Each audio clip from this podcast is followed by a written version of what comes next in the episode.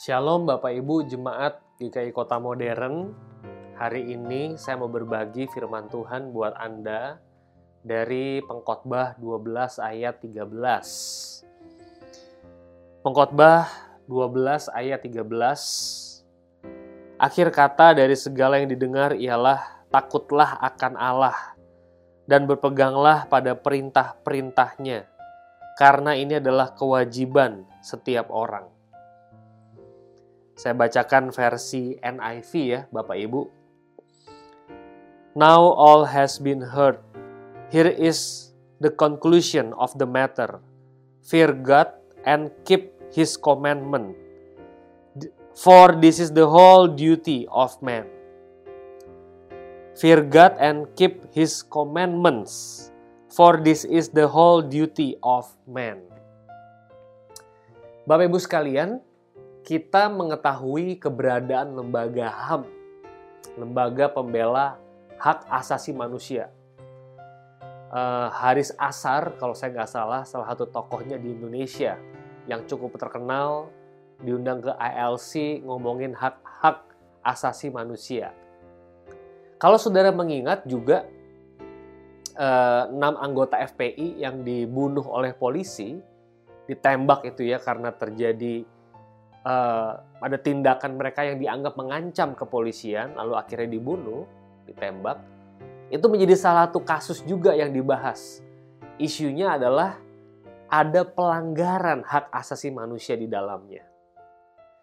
Jadi manusia itu punya hak-hak asasi, itu nggak boleh dilanggar.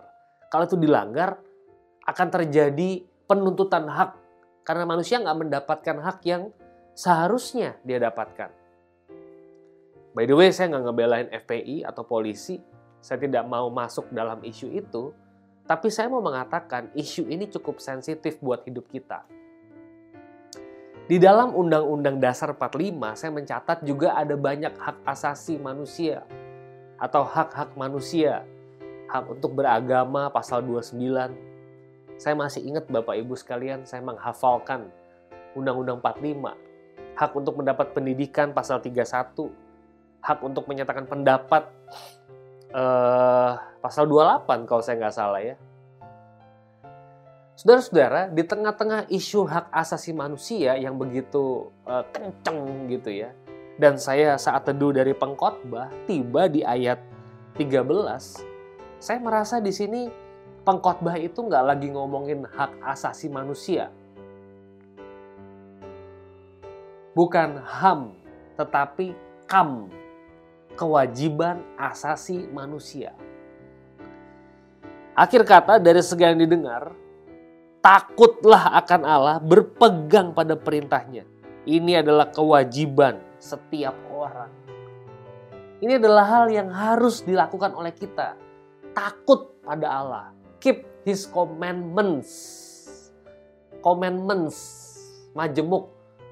Anda dan saya harus menaati perintah-perintahnya. Ini kewajiban setiap manusia. Lakukan. Jadi sesuatu yang apa ya? Melawan intuisi kita, melawan uh, melawan apa namanya? narasi-narasi yang berkembang, bukan untuk memperjuangkan HAM, tapi KAM. Yang mesti diperjuangkan juga bukan hanya hak-hak asasi kita, tapi menurut pengkhotbah yang mesti diperjuangkan adalah kewajiban-kewajiban asasi kita. Wajib Anda itu. Jangan cuma menuntut hak. Kewajiban Anda dan saya wajib dilakukan. Kalau udah kayak gini kayaknya kurang viral ya Bapak Ibu ya. Kurang dibicarakan ngapain sih? Jadi manusia itu hanya menuntut apa yang menjadi haknya tapi tidak pernah menjalankan kewajibannya. Misalnya buruh ya setiap tanggal 1 Mei hari buruh menuntut haknya. Saudara izinkan saya mau menyampaikan pada saat ini penting juga saudara dan saya memperhatikan kewajiban. Takut akan Allah, mentaati perintah-perintahnya. Isu soal LGBT misalnya Oke, orang LGBT punya hak untuk bekerja, dapat pendidikan. Tapi orang LGBT juga punya kewajiban untuk menjaga kekudusan hidupnya. Tidak bisa ada pernikahan seperti yang lain. Bukan haknya nggak dipenuhi, bukan. Itu kewajiban dia. Nikah beda agama yang belum lama ini juga panas dibicarakan. Udah jelas undang-undang di Indonesia nggak memungkinkan hal itu. Saudara harus bersaat teduh, harus berdoa. Masih ada orang Kristen yang tidak mau melakukan saat teduh dan doa karena menganggap urusan kerohanian saya sama Tuhan, urusan saya lah.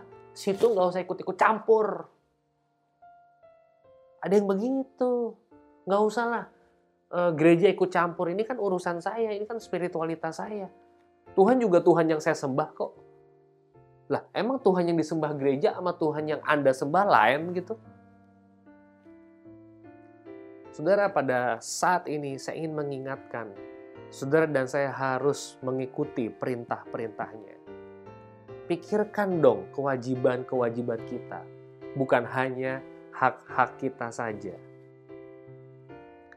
Di dunia ini kita suka ngomong human rights, human right, hak asasi manusia. Tapi kita jarang ngomong the right to be human.